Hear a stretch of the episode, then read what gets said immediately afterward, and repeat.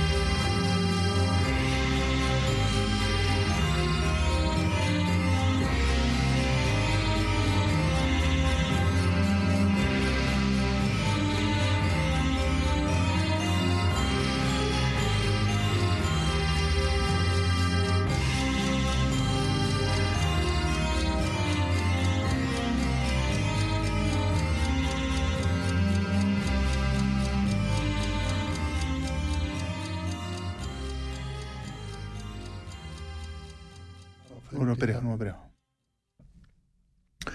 Komið sæl ágætu hlustendur útvarps sögu. Við vorum að hlusta á lægið Russians eða Rússarnir með tónlistamannunum Sting. Þetta er lag sem var samið seint á nýjunda áratögnum þegar kaldastriðið var svona, já, enn tvísýnt og, og menn vissi ekki alveg hvernig færi í heimsmálunum. Eh, mér dætt í huga að setja þetta lag á fónin vegna þess að til okkar er komin góður gestur, Ólafur Egilson, friverandi sendi herra Íslands. Um, hann bæði í Lundunum og uh, í Moskvu, í Rúslandi og síðar í Kína. Þau komið víða við. Velkomin Ólafur. Takk hjá lega fyrir. Mér langaði til að heyri þér og svona, getur þú sagt okkur kannski svona í byrjun aðeins svona frá því, hvernig stendur á því að þú ferð, hefur störf hjá auðaríkistjónustunni á mjög merkilegum tímum? Nú ég hafði einhvern veginn strax bara sem strákur áhuga á um heiminum. Þetta er náttúrulega á strísárunum, bandaríski herin er hérna. Já. og ég holst upp nálað skólaverðaholtinu, þar var braggakverfi og um, nú það var húsi sem ég átti heimi, var steinhús af nýri gerðinni þannig að það var loftvarna byrki fyrir hverfið þar í kjallaranum og það kom fyrir að það væri gefið loftvarna merki. En sem sagt, ég hafði til og með til þess að átta mig á því snemma að heimunni var stærri heldur en Ísland og fekk strax þennan áhuga á að fylgjast með, fekk áhuga á erlendum fréttum í útvarpi og uh, þegar ég svo stækkaði þá fór ég að lesa erlend tímaritt. Uh, þegar ég kom í hálskólan þá tók ég þátt í erlendum samskiptum, sótti alltjóðar ástefnu stúdenta mm -hmm. og fjall þetta allt saman vel Þannig að ég býst að þetta var átt sinn þátt í því að ég leitaði svo setna eftir starfi í utanríkistjónustunni og, og fekk það eftir nokkra töf. Já, já. Og byrjar þá hér heima? Byrjaði hér heima. Já. Ég var nú svo lánsamur að ráðnættistjóri á þeim tíma var Ragnar Clemens Jónsson sem hafði unnið mjög merkilegt starf við að undirbyggja íslensku utanríkistjónustuna og uh, hann var mjög sögufróður líka og hann hafði gaman á að miðla sinni þekkingu. Hann bar tröst til sinna starfsmanna þannig að hann vildi að þeir leist úr málunum svo lengi sem þeir treystu sér til þess en var svo reyðibúinn æfinlega til þess að hlusta og gefa góðar leiðsögn ef að starfsmenn báðu um það.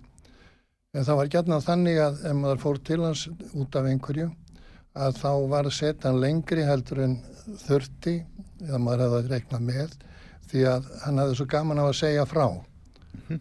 og þetta hefur sett að segja margskonar fróðleikur reynsla og leiðsög sem ég fekk hjá honum endist mér alltaf aftur og aftur allan minn 40 ára felil í útækistjónustunni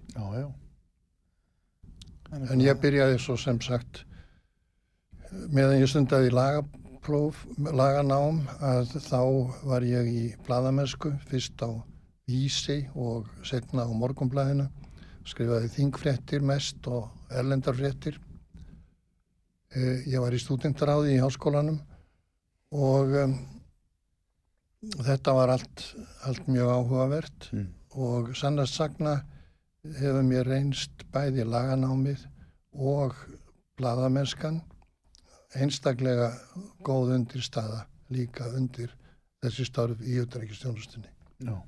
Maður kynist mörgum sem bladamæður, fólk vil yfirleitt koma sér vel við bladamenn líka, maður kynist mörgum málefnum og uh, laga námið þó að ég haf ekki gengt störfum sem að laga náms, laga prófs er krafist til að þá kemur það að gagni alveg við ólíkljóðstu tækifæri. Já, það er nefnilega það. Ég minnist þess að Bjarni Bendikson eldri, fórsettisráðura og lagaprófessor, borgastjóri, hann saði frá því einhver tíma að eftir hann hætti að vera lagaprófessor og ég held að hann hafi ekki verið nema 23-24 ára þegar hann tók við því starfi að þó hann hefði frá þeim tíma ekki gengt neinu starfi sem að laga prósveri krafist til að þá hefði lagfræðin gagnast sér alltaf og allstaðar. Nó, en mitt. Og þú, já, fer síðan Erlendis eða hvað? Ég fór svo fyrst til Parísar, mm -hmm. var þar í 2,5 ár, náði rétt í skottið á De Gaulle, ég hafði nú vonast til þess að fór tækifæri til þess að hitta hann, en Ég kom í aprílmánuði 1969 í, undir lok þess mánadar var þjóðaratkvæða greiðsla um breytingar á sveitarstjórnarlögum sem að De Gaulle tapaði og hann gerði sér þá lítið fyrir og, og saði starfinu lausu Aha. öllum óvart þannig að það var svo Pompidou sem að ég átti eftir að hitta Já, já. og hafði reyndar mikla, mjög mikla aðdáun á þeim gáfaða og menningarlega manni Mm en svo fór ég frá París áfram til Bryssel og var þar í þrjú ár í NATO og eh, í efnahagsbandalagi Evrópu eins og Evrópusambandið var þá kallað. Mm og þetta var mjög viðbörðaríkur og annarsamur tími. Við gerðum á þessum árum stærsta frívestunarsamning sem Ísland hafði gert til þess tíma við efnarsbandalega Evrópu og í þeim samningi var laður grunnur að mörgu sem að svo endur speglaðist í Evrópska efnahagssvæðinu. Já. En uh, það var líka ekki síst í NATO sem að hlutinu voru að gerast því að á þessum tíma þarna upp úr 1971 þá ná, ná stórveldin fjögur sem hafðu skipt eh, Berlín upp í yfirháðarsvæði samkommulagi um uh, framtíðar málefni Berlínar og það hafði verið samantekin ráð vestrannuríkjana að uh, hafa það að prófsteini um hvort væri hægt að ná samningum við Sovjetríkinu um yfirhöfu nokkuð þetta hvort að samningar tækjust um Berlín. Mm Þannig að þegar að þeim áfanga var náð þá fór á stað aðalega tvær heilmikla samningalotur sem að voru samhæfðar afstafa vestrannuríkjana í þeim var samhæfð í NATO í Brussel. Óteljandi fundir. Þetta var annars vegar undirbúningur að því sem varð Helsingi samþyktin um öryggi og samstarfi í Evrópu 1975 og viðræður um niðurskurð á hefðbundnum vopnabúnaði sem að hófust í Vínarborg. Já. Já, já. Þú tekið þátt í þessu öllu saman hann á áttunda áratögnum Já, og uh, en eh, á þessum tíma, þegar ég var hann í NATO, já, þá satt á Íslandi ríkistjórn sem að vildi láta herin fara eða hafði líst því yfir. já, einmitt, já, Þannig að það voru líka langir fundir í NATO um Mhm. það efni og um, að auki þá var þetta á þeim tíma sem landhelgin fiskveiðilagsagan var færið út í 50 mílur já, sem skapaði óvissu um lönduna möguleika á íslenskum fiski bæði í Breitlandi og Þískalandi. Uh, Belgar voru þá að reyna að byggja upp Ostend borgina, Mhm. hafnaborgina til móttöku og markaðssetningar á fiski. Þannig að e, e, það var ákaflega margt að gerast á þessum tíma. Við vorum tveir þá í, sendi nefnd og sendi ráði Íslands í Bryssel já, sem var syngt í NATO, sem var syngt í efnarsbandali Evrópu, uh, syngt í Belgíu og Luxemburg og um, þetta var uh, alveg ótrúlegur tími satt að segja. Mér verður hugsað til þess hvað við erum góðu heilli betur með meiri mannskap þarna núna. já. Hvernig var látið eitthvað í það skína að Þorskastriði gæti haft áhrif á veru Íslands í NATO? Ég, það var auðvitað, menn velti því fyrir sér. Og það voru stjórnmálamenn hér heima sem að vildi einmitt beita því vopni Já, í andstöðu, sin- bæði í andstöðu sinni við NATO, mm sérstaklega þau öfl, en líka stjórnmálafóringjar sem voru í sjálfur sér hlindir aðildinni að NATO en vildu notfæra sér hana til þess að styrkja okkar stöðu í landvíkstelunni. En voru þið diplomatarnir, var ykkur beitt eitthvað í þá veru? það voru langir fundir þarna bæði í natúráðinu og uh, sérstakir fundir hjá framkvæmdastjóra NATO sem að þeirra leið á minn tíma þarna var Jósef Lúns, hollendingurinn og hann kom hér hinga til lands út af Mhm. þessum málum. Já, já, ég man eftir þessu En það var, það var, það markfaldaðist fjöldi funda á þessum tíma. Undirbúningsfunda fyrir sérstaklega viðraðunar í Helsingi. já, En Helsingi samþektin hún var mjög áhugavert plagg og gaglegt fyrir samskipti til að styrkja samskipti austurs og vesturs. mhm, Í Helsingi yfirlýsingunni var meðal annars kapli um aðgerðir til þess að auka traust sem að fóli í sér já, til dæmis tilkynningaskildu um flutning á herabla mm, og tilkynningaskildu um herafingar sem að stæðu til. þetta er allt í góðu gildi enn í dag Það ætti að vera það.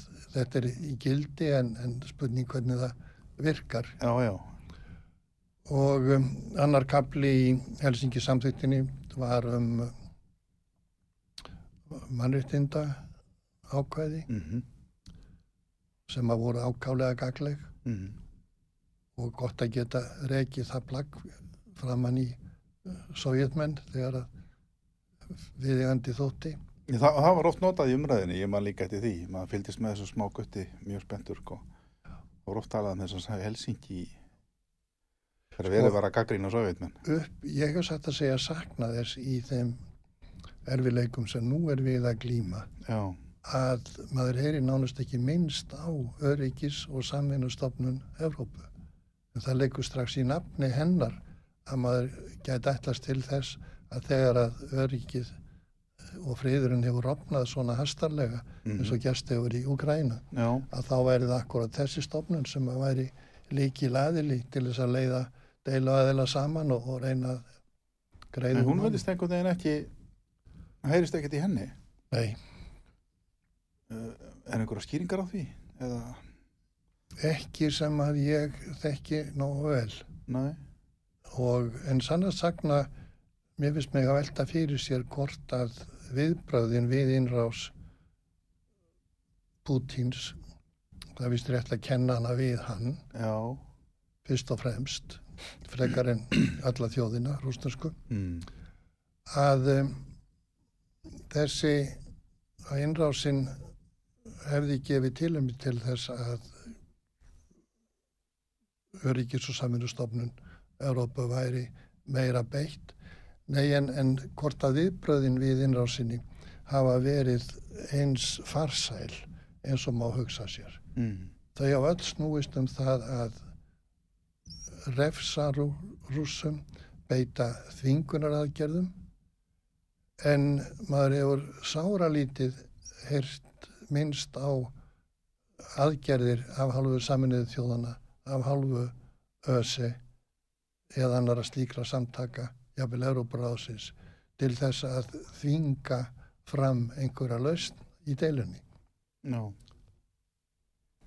Væri það hægt? Eru menn yfirleitt til viðræði? Já, það hefur einhvern veginn- stemtir að, eða hvað? Það hefur einhvern veginn bara ekki, að mínu viti verið látið reyna nægilega á það. Nei. Við skulum koma aðeins betur á því hér á eftir. Mér langar fyrst aðeins til að heyra betur um hérna uh, svona þína tíð í, í, í auðarreikistjónustunni. Mér er svolítið áhugavert að tala við mann sem hefur upplifað þetta allt saman, þessa miklu sögu í svo miklu návíi. Þú uh, ferð síðan til hvað til Lunduna? Og ég var heima í rúmlega 12 ár. Já, Við hefum tvö börn sem Já. að við vildum að erðu rammir Íslendingar, já, fengjum tækifæri til þess að ljúka studentsnámi mhm, hér heima og það gekk ágætlega og gekk upp. Þannig að það stóð nú til að ég erði sendur út einu svona því tímabili mhm, en mér tókst að sportna við því. En fór svo út sem sendi herra til London já, 1986 um haustið. mhm, Rétt um það leiti, rétt eftir að, að höfðafundur þeirra Gorbasjós og Regans. og þá er Tatsjör við völd í Breitlandi. svo ég náði þannig skottið á Margretti Thatcher meðal Já. annars Já. og uh, Hittir þú hana? já, já, Hvernig Ég- var hún?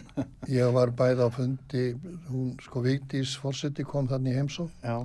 og um, hún uh, átti fund með Margretti Thatcher, það var nú mjög eftirminnilegur fundur Já. uh, meðal annars uh, þá voru þeir ekki alveg sammála um kjarnorkuna. Aha. Margaret Thatcher var mikil kjarnorku kona í öllum skilningi og uh, hún taldi að allt tal til dæmis um afvopnun, kjarnorku afvopnun er út í hött. Það væri ekki hægt að það væri ekki hægt að vinda ofan af uppgötvun kjarnorkunar Nei. var hennar rauksemd. En það var nú ekki súlið sem að þær rættu stöllur heldur var það nýting kjarnorkunar í friðsamlegum tilgangi Já, já. og Vigdís af sinni alkunnu háttvísi hún let nú samt aðeins skína í að hún hefði efasemdir en þá reisti Margit Thatcher sig bara upp í sætinu og þetta var nokkur eftir að hafa orðið óhapp á þryggja mílna eigu svo kallaðri í bandaríkjónum Já. og Margaret Thatcher sagði að það væri sko ekki nokkur hætta eh, af kjarnorkunni. Það er nú bara best sést þarna á þryggja mílna eigu það hefði allt sem gat farið úr skeiðis farið úr skeiðis Já. en samt hefði allt verið í lagi. Já. allt örugt þetta var að sjálfsögðu fyrir Tjarnobílsleysi Já, já, nei en svo kom Steingrimur Hermansson þarna líka sem fórsetist á þeirra í heimsókn. Mhm.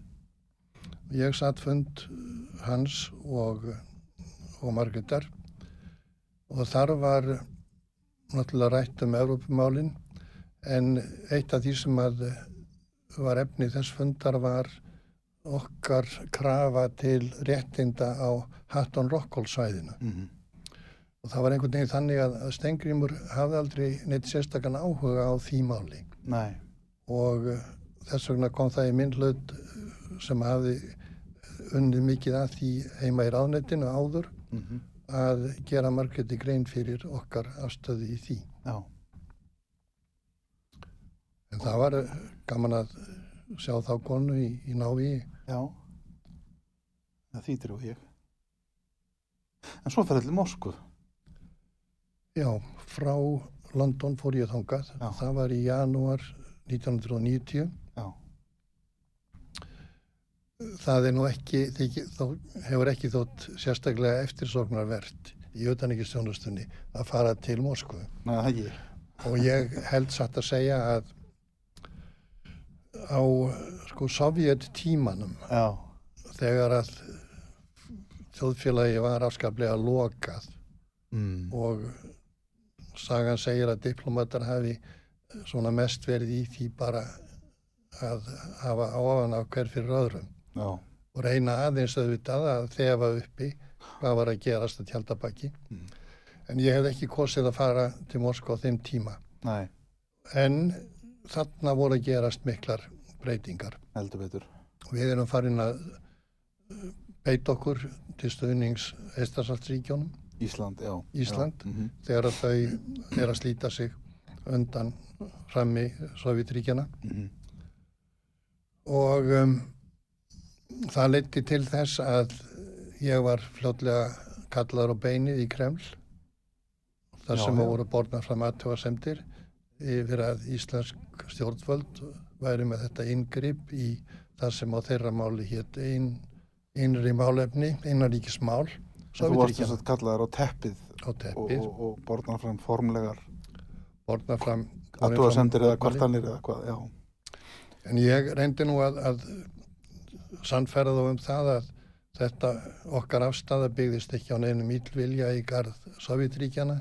Við vildum eiga hinn bestu samskipti við þau Já. og viðskipti ríkjana, vestlunarviðskiptin hefur einst farsæl báðum Mm. og þannig vildum við gætnan fara fram áfram.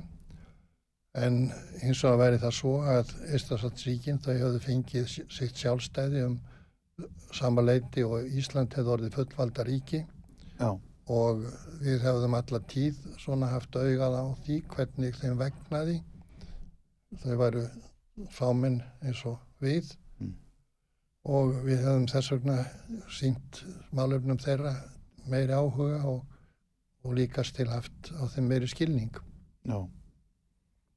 Og hvernig tóku rúsar í þetta? Þeir, þeir hlustuðu minnstakosti af hátvísi Já Ég minnist ekki nema einu sinni að tvirsvara að mér hafi verið síndur ruttaskapur eða það sem að kalla mætti uh, því, þín nafni. Já. En e, það var nú samt svo að ímsir töldur líkindi til þess að mér er því vísað úr landi já, já. og þeir myndu hugsanlega slíta stjórnmálusambandi við Ísland. Ég minnist þess að það kom til mín einn daginn bladamæður í Svesti og líkast til Já. og það fyrsta sem hans sagði var að hann spurði hvort að ég væri byrjaður að pakka. Já, já. En e, það varð ekki. Nei. Þannig að þetta var svona einhvern veginn liðið hjá, eins og maður segja. Já, en það var svona eitt, af, eitt aðalverkefni sendir á sín samt að reyna að viðhalda góðum samskiptum við Sovjetríkin mm -hmm. þrátt fyrir þessi uh, þennan stuðning sem við vorum að veita Eistarsaldsríkjuna og uh, ég held að það sé ekki hægt að segja annað en að það við tekist all vel því að Gorki var slitið stjórnbólasambandi við okkur nýja um, fórum við verð út úr því þegar að Sovjetríkin fór að veikjast og gekk ítla að standa við þá samningar sem það hafiði gert við önnur ríki, til dæmis í vestlanaviðskiptum og það vildi nú bara svo til að Ísland var til dæmis eina OECD-ríkið sem að fekk fullt uppgjör sinna skulda þegar að Sovjetríkin voru alveg að liðast niður, mm. liðast undur. Og þarna var ekkert veið að láta skína í svona vopni eins og það að já, slít, beita við á þvingunum eða neitt þess aftur? Það var ekki neitt slíkt á döfinni þarna. Við vorum ekki látnið að sæta neinum, neinum Var, var það lenska þá í alþjóða samskiptum þessar viðskipt á þvinganir? Það er bara alls ekki eins hátt á þessum tíma eins og það hafa síðan, síðan gert. Og þær eru náttúrulega kapitul út af fyrir sig. Ég minnist þess að hafa heyrt talað um viðskipta hindranir og viðskipta þvinganir þannig að þeim ætti ekki að beita í, í samskiptum ríkja mm. nema menn væri nokkuð öryggir um að þær skiluða árangri oh. og við höfum náttúrulega séð til dæmis í sambandi við viðskipta þingvanirnar sem að eh, koma á hálfu vestræðna ríkja í kjölfar innlimunar Pútins á Krím mm. 2014 að eh, þinganirna breyttu engu í þýmáli og áður en að innrás Pútins í Úkræna hóst þá hafði ég fyrir nokkru lesið um skýslu sem að Pandaríkjastjórn hafði látið taka saman um árangur viðskipta þingana og uh, niðurstaða hennar var svo að það væri ekki um það byrð þriðjungur sem hefði borðið einhvern árangur, mikinn eða lítinn mm. og í framhald af því líka örskammu áður heldur en innrásinn í Úkræna á þessi stað hafði bandaríkja stjórn ákveðið að draga úr beitingu no. refsjaðgerða no. og viðskipta þingana en það snýrist svo allt saman á haus þegar að Úkrænustriðið hóst Já, einmitt, einmitt Já, við verðum vist að taka auðlýsingar hér núna. Góði hlustendur, ég heiti Magnús Þór þegar að hlusta á síðdeis útvarfi útvarfið sögu. Við höfum verið að ræða hér saman, ég og Ólafur Egilson, fyrirverandi sendi hér að Íslands. Uh, Víðaðum heim.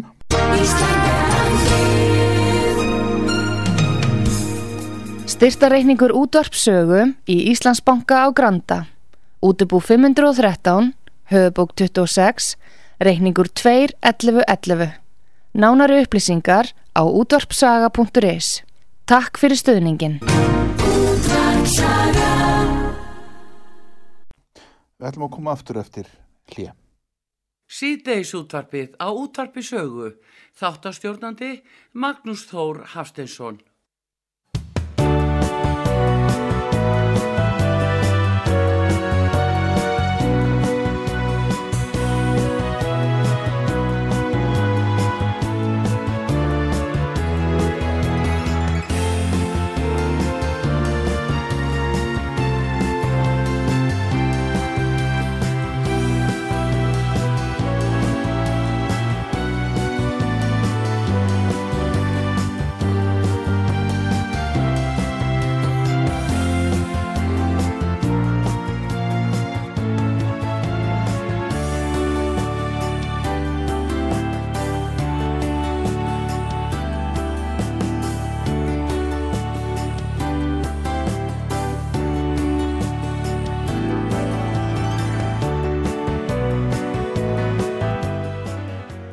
Komið í sælættur, ég heiti Magnús Stór og þeir að lusta á síðdeis útvarpi og sögu. Hjá okkur er Ólafur Eilsson, fyrirverandi sendiherra.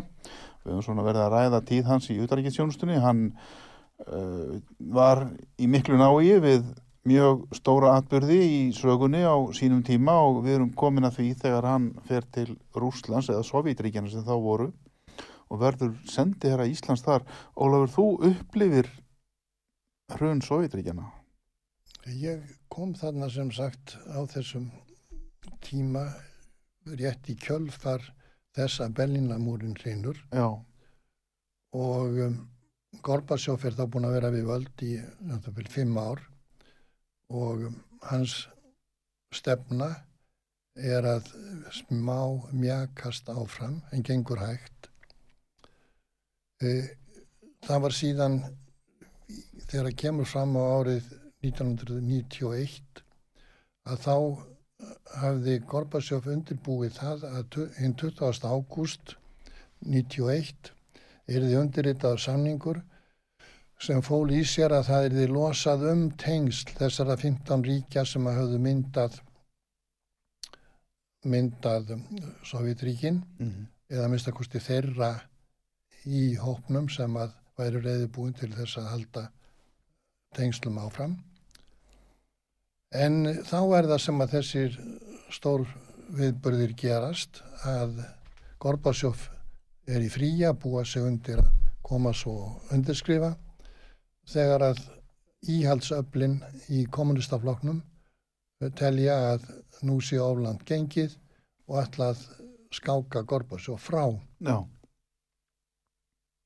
Nú eins og menn munna að þá kom Jeltsin sem að skammu áður var orðin fórseti langstæsta aðildaríkis Sovjetríkjana, Rúslands þá kom hann til skjálana og, og stöðvaði þessa þróun.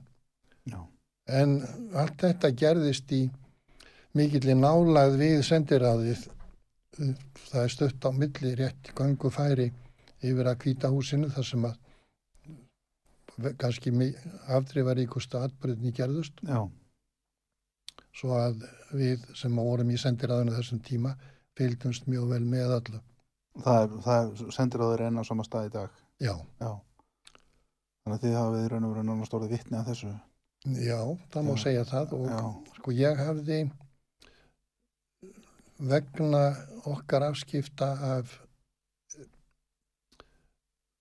af málefnum sjálfstæðisbaráttu Eistarsaltsríkjana og stöðningi við þau og í sambandi við áformaða ferði Jóns Baldvin Sannibalsson og Rutaníkisáð þeirra til þeirra og sömulegðis vegna okkar viðskiptahagsmuna eh, sem að voru komnir í tölverða hættu vegna þess hvað Sovjetríkin voru orðin veikburða og átti erfitt með að standa við sína samninga.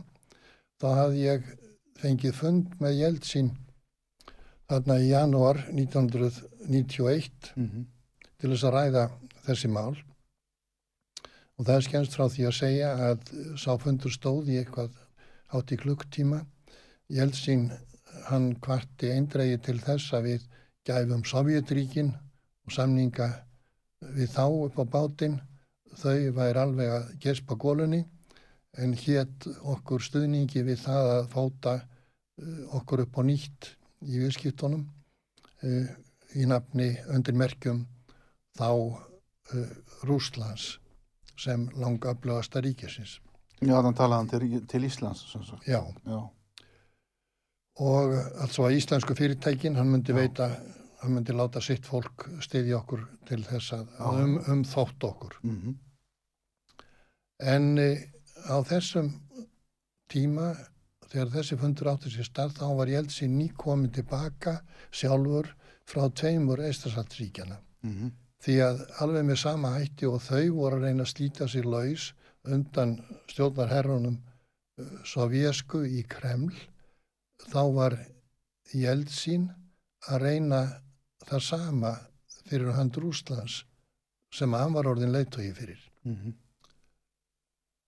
Það var hins vegar sínir hvað, hætt, hvað ástandið var varhugavert og hættulegt í Estrafaldsríkjónum á þessum tíma að Jeltsin saðist einungis var farið til tveggja af ríkjónum þremur sér hefði verið eindreið ráðið frá af öryggisástæðum að fara til Lítáin. Já, já. Og þetta, já, þarna tekur sem sagt, þá við og þetta breytist allt saman og, og við eigum þá sendiráð, það sem var sendiráð Íslands í Sovjetregjunum var sendiráð það Íslands í breytist svo aftur Rúslandi. setna svo sem sagt svo brestur á þessi valdarhanstilrun hún fer út um þúfur og um, en Sovjetríkin þau líð ekki undir lok formlega fyrir í lok ársins. já, já, já, já. Þá segir Gorbachev af sér sem fórseti Sovjetríkjana já. og þar með eru þau búin að vera alveg. Já. En e, þegar að valdanánstilurinn brestur á þarna að morgni 19.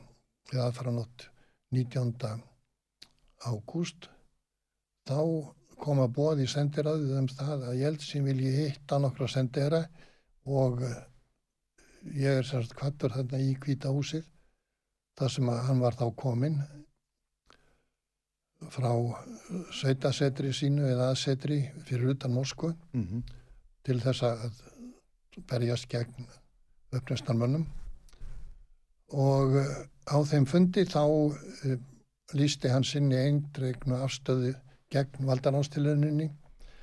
Hann uh, sagðist eiga vona á því að á hverju stundu er því ráðist á Hvítahúsið, stjórnarsettur Rúslands og reynda að handtaka sig þannig að í lok fundar þá baða nokkur um að hask okkur til okkar sendir á það og láta sinn bóðskap ganga áfram því að við værum eina öruga leiðin sem hann gæti treyst eins og aðstæðunar væru.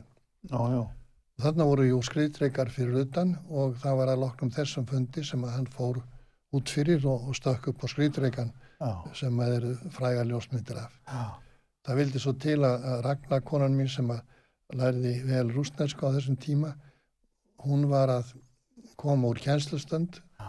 og átti leið þarna fram hjá húsinu rétt þegar að Jeltsin stóð á skriðstreikanum já, og flutti sitt ávarp, Og hún var vitni að því. var vitni að því. Það er nefnilega það. Já. Og hvernig var það svo, já, framhaldið, hvernig var að vera sendi herra á Jeltsin tímanum? Það var út af fyrir sig ágætt til að byrja með. Þetta fyrir vestrænt sinnað fólk, þá gerðist það nýmislegt sem að því var til geðs. Mm. Jeltsin gerði það eitt af sínu fyrstu verkum að hann bannaði kommunistaflokkin og það má ég að segja að þarna hafi í rauninni útþenslu stefna uh, alheims kommunismans liðandi lok Já, á snakri stundu en uh, reyndar hefur það ekki enst nógu vel eins og við sjáum í Úkrænu núna. já. En mitt. Það opnaðist hins vegar þarna og það verðt að hafa það í huga með tilkomu Jeltsins þá skap alveg sérstaklega með tilkomu hans í framhaldi af valdatíð Gorbasjós. Þá opnaðist tækifæri til þess að byggja upp eðlileg samskipti uh, Vesturlanda við Rúsland. Mm -hmm. En af einhverjum ástæðum sem hefur verið því miður til óheitla eins og við sjáum best þessa dagana, þá gekk þetta tækifæri mannum úr greipum.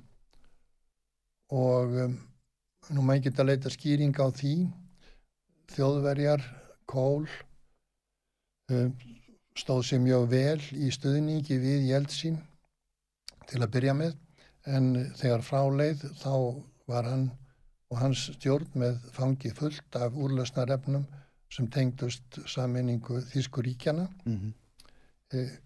John Major sem hafði þá tekið við af Margeti Thatcher, hann var, var fyrstur vestræðna leiðtóa til þess að ringja í Jeltsin og lýsa yfir stuðningi við hann þegar hann andæfði valdaránstilurininni en Major var ekki sterkur leiðtói og eh, íhaldsflokkurinn í Breitlandi logaði í óerðum deilum um Európumálinn þannig að þaðan var ekki mikinn stuðning að fá og ekki aðstæða til þess að þeir helguðu sig uppbyggingu samskipta við Rúsland á, á nýjum grunni eh, George Bush eldri hann var á þessum tíma orðin mjög upptekinn af því og þeir sem í kringum hann voru að reyna að tryggja endurkjörast til fórsetta mm. í bandaríkjónum sem að tóst jú ekki en e, þannig að, að e, það er einhvern veginn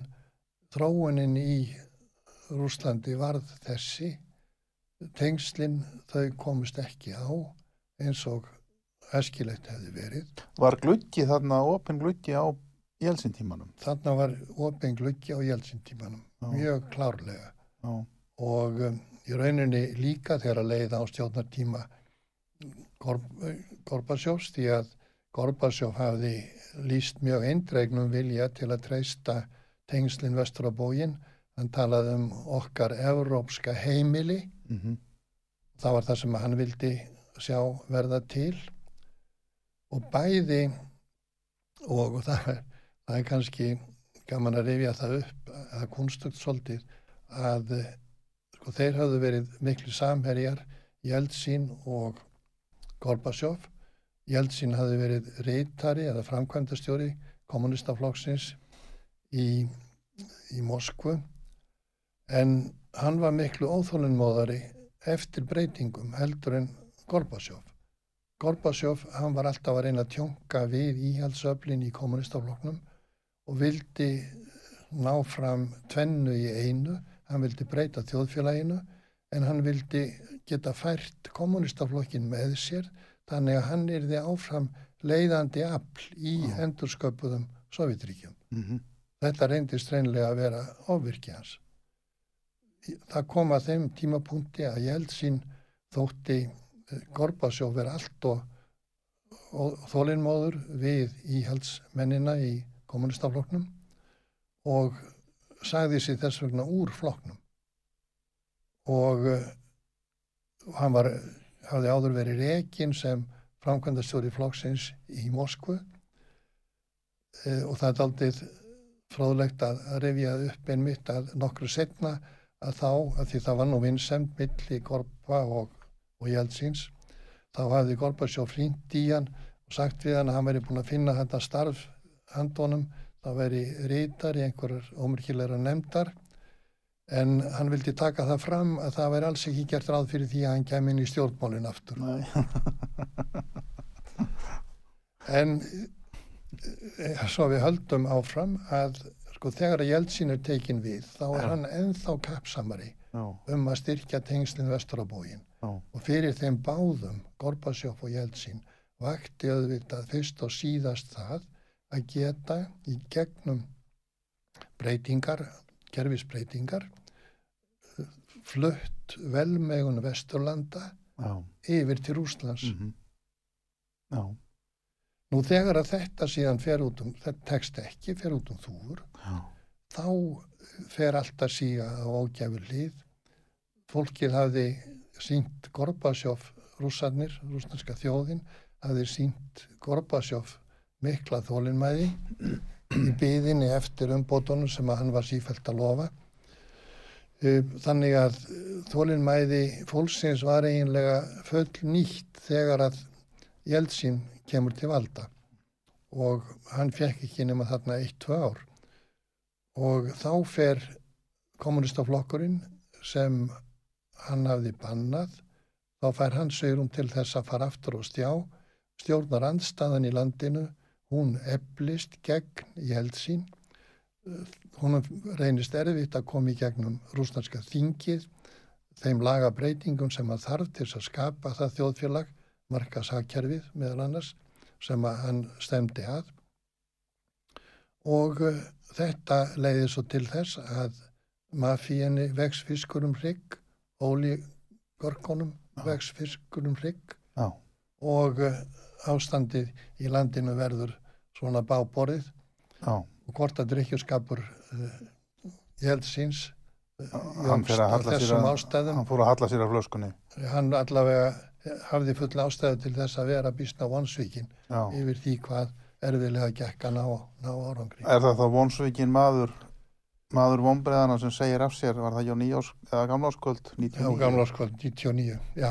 Og tilkynnið þá til sögunar Putin, þá er hann búin nokkur áður að gera Putin að fórsettis á þeirra já og sjálfsagt, það má mista kosti velta fyrir sér hvort að Jeltsin hefur þá verið búin að átta sig á að, að eins og ástandi var orðið í landinu þá degði ekki nema harðjagsl til þess að glýma við það.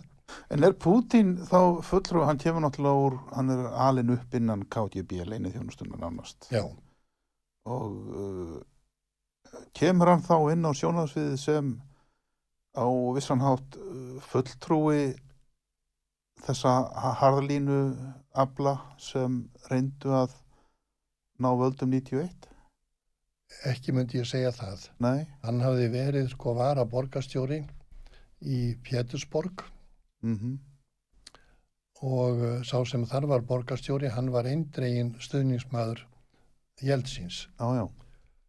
Um, en uh, sko Putin hann verður fyrst fórsættisráð þeirra hjá Jeltsin og það er leiðin sem að þurfti að fara til þess að hægt verið gera að artaka Jeltsins þarna. Og Jeltsin hefur litið á hann og verið sáttur við það að hann væri hans artaki auglust og...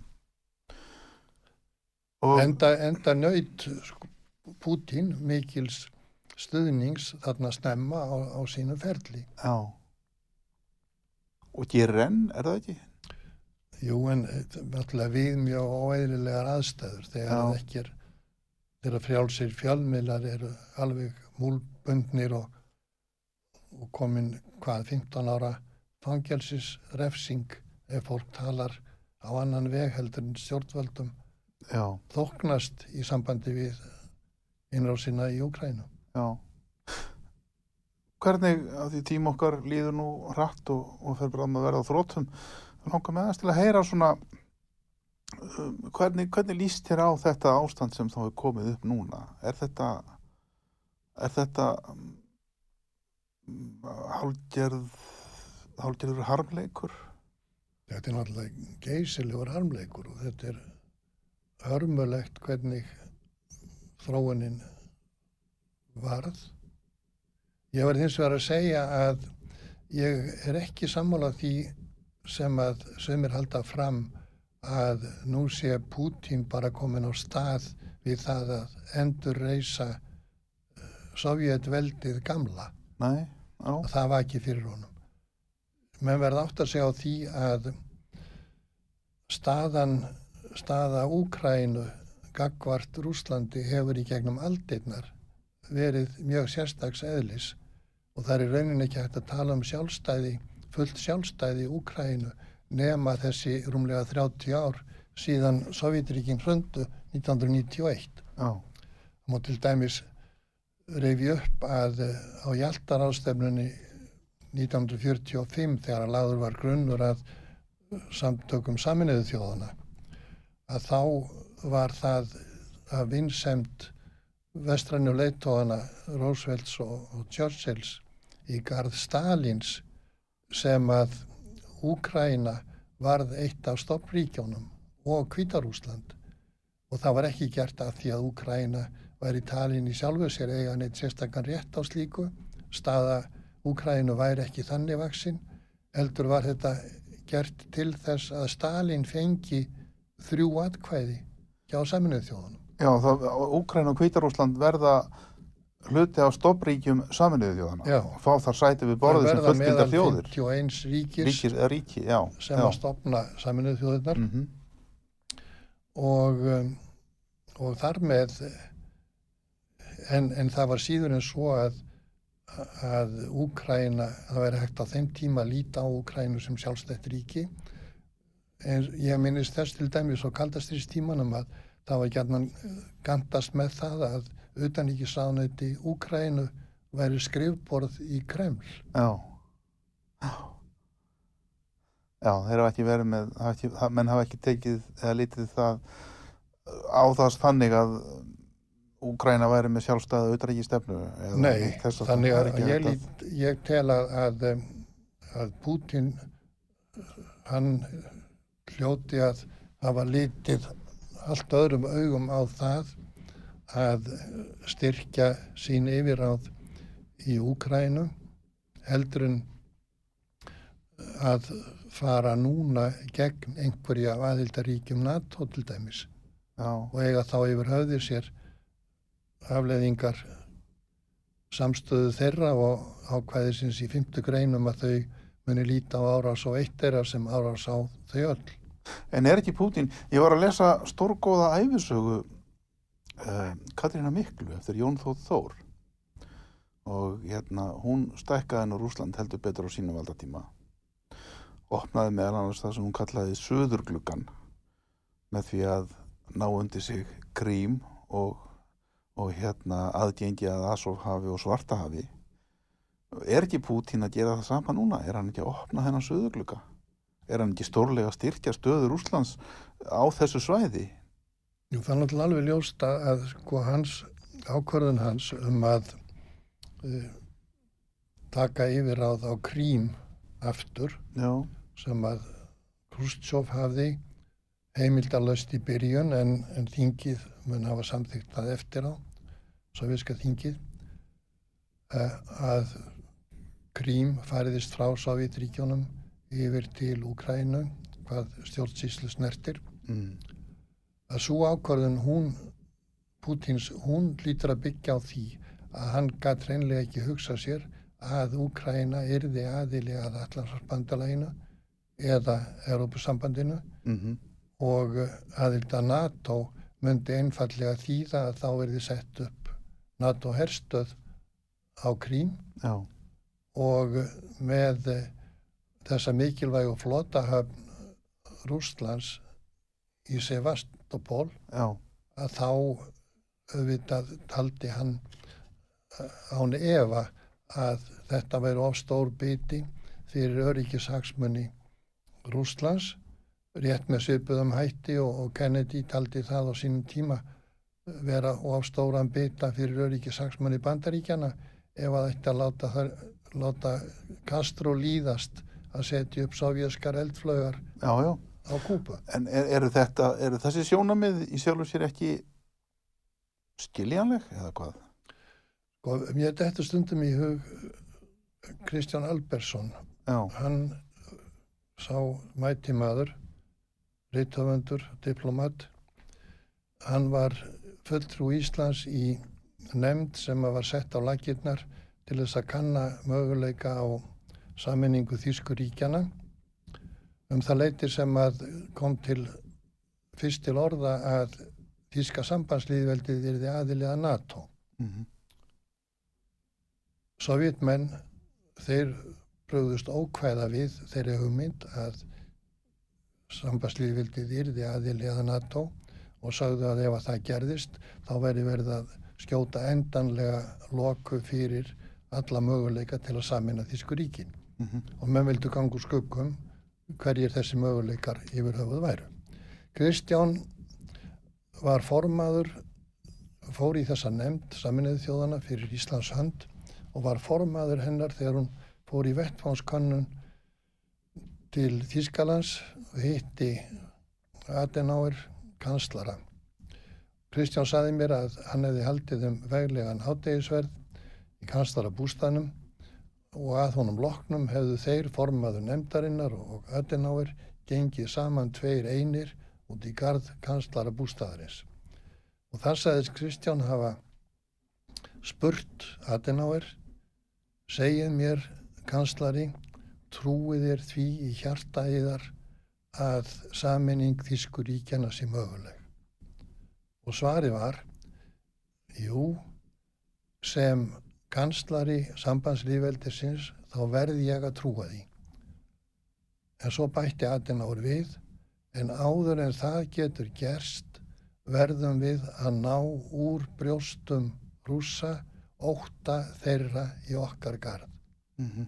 Já. Adenauer gerði sér sannst grein fyrir því að rússar hefðu sína sögulegu ástæðu til þess að vera tortrygnir, gagvart vestrænum ríkjum og við getum vissulega ekki allast til þess að rússar líti sömu augum á allarsvarsbandalagið og við gerum. Nei. Þannig að af því að öll ríki eiga sinna öryggishagsmun að gæta, þá held ég við verðum líka að taka fullt tillit til þess að rúsneskir leittógar þeir meti sjálfur sína öryggishagsmunni. Einmitt, já. Þannig bleið það, já. Ólafur Eilsson, friðverandi sendiðara, tíma okkar á þróttum. Takk fyrir komuna og takk fyrir mjög áhugavert spjall. Takk fyrir svo. Eins og þín var von. Við höfum getað haldið áfram miklu lengur en góði hlustendur. Um, Sýta í sústofninu þessum þætti er, er lokið. Ég heiti Magnús Þóri, ég þakka ykkur fyrir að hlusta og uh, ég kem aftur með nýjan viðmælenda hér að vörmu spóri. Ekki fara langt.